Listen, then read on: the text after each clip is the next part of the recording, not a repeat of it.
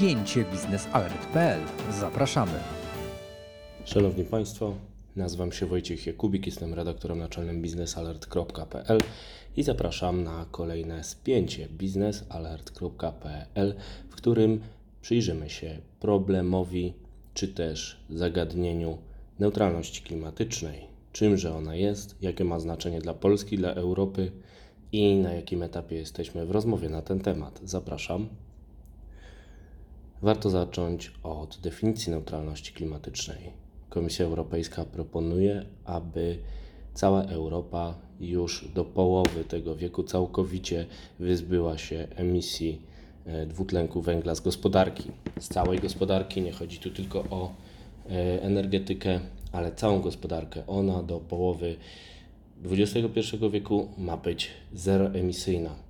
Aby osiągnąć ten cel, oczywiście w celu ratowania klimatu, musimy całkowicie przetransformować to, jak działa europejska gospodarka. Ta zmiana będzie szczególnie bolesna dla przemysłu ciężkiego, który jest intensywny energetycznie, ma intensywne emisje, dużo emisji dwutlenku węgla, a także ulubionej energetyce, ulubionej oczywiście dla Polaków, którzy zajmują się żywo negocjacjami na temat neutralności klimatycznej, między innymi po to, aby zapewnić jak najmniej bolesną transformację energetyczną. 11 grudnia odbędzie się spotkanie Rady Europejskiej, na, której na którym może dojść do rozstrzygnięcia sporu między państwami członkowskimi o to, czy Unia rzeczywiście zobowiąże się do osiągnięcia celu neutralności klimatycznej do 2050 roku. Polska zawetowała ten cel, tłumacząc się, że w ten sposób rozpoczęła dyskusję. Polacy utyskują nad faktem, że rozmowy o neutralności klimatycznej toczą się w gabinetach europejskich, często bez ich udziału.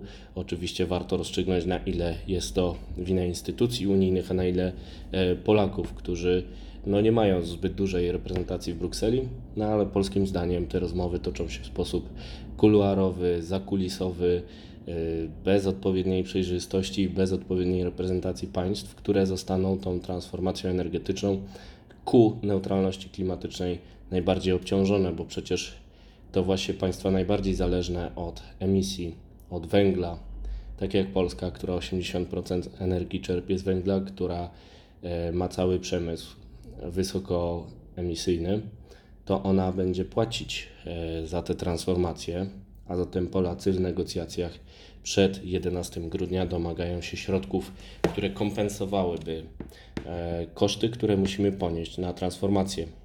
Warto przypomnieć, że w samej energetyce ta transformacja do 2040 roku ma według wyliczeń Ministerstwa Energii, które są bardzo zgrubne, kosztować nawet 400 miliardów złotych.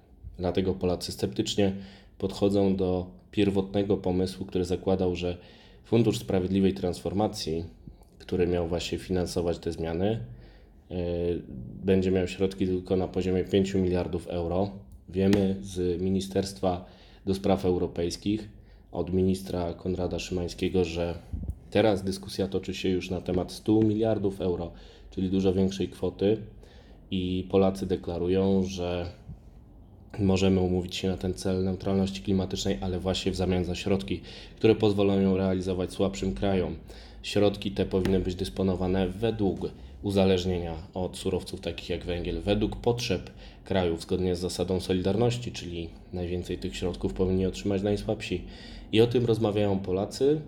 E, w tej dyskusji na razie nie ma e, jeszcze oferty polskiej. Co Polacy dadzą w zamian za te środki, bo oczywiście przyjmą chętnie pieniądze na transformację, ale być może e, powinni pokazać swoje ambicje w polityce klimatycznej i trochę zrewidować strategię energetyczną, która przecież nadal nie została przyjęta. Ona zakłada, że zmniejszymy udział węgla do około 60% w 2040 roku.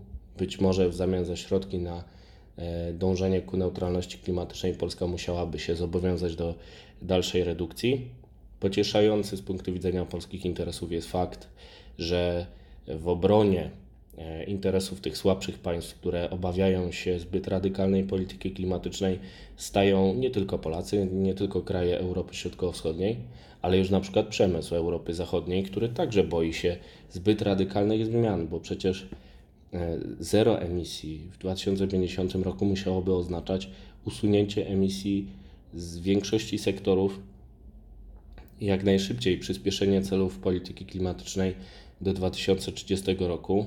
I to mordercze tempo może być nie do wytrzymania dla słabszych graczy, czy też dla tych graczy, którzy w dużym stopniu są zależni od emisji dwutlenku węgla. Ich y, przemysł polega na tym, że emitują dwutlenek węgla i jeżeli nie będzie rozwiązań, które im pomogą, to mogą się wynieść po prostu poza granicę Unii Europejskiej. Zajdzie tutaj dobrze znane w Polsce zjawisko carbon leakage, ucieczki węgla i neutralność klimatyczna w Unii będzie, za to firm już nie będzie. I kolejnym rozwiązaniem, które jest omawiane w tym kontekście, ma być podatek od emisji CO2, która e, znajduje się w produktach dostarczanych do Unii Europejskiej, w tym w surowcach. Warto przyjrzeć się ile importujemy emisji CO2 w postaci produktów, które są wyprodukowane poza Unią Europejską, bo poza Unią można emitować. Można sobie wyobrazić taki podatek Carbon Border Tax, o którym rozmawiają Niemcy, Polacy. Y, jest on tematem mainstreamowej dyskusji o polityce klimatycznej. Taki podatek dokładałby dodatkowe obciążenie do produktów, które powstały przy wykorzystaniu emisji CO2 za granicą, na przykład w Chinach czy też w Rosji. I chodzi nie tylko o produkty konsumpcyjne, ale też surowce. I to jest już bardzo ciekawa dyskusja, która będzie się toczyć. Minister Szymański zapewnił mnie w rozmowie e, w swoim resorcie, w siedzibie, która znajduje się w kancelarii premiera w tym momencie, że Polacy chcą przyjąć cel neutralności klimatycznej, ale muszą mieć adekwatne środki e, do realizacji tego celu. Będą negocjować tak, aby osiągnąć jakiś konsensus, ale przecież niekoniecznie musi się to stać już na Radzie Europejskiej 11 grudnia, więc przeciąganie liny może trwać nieco dłużej. Rada może się zakończyć brakiem przyjętego celu neutralności klimatycznej.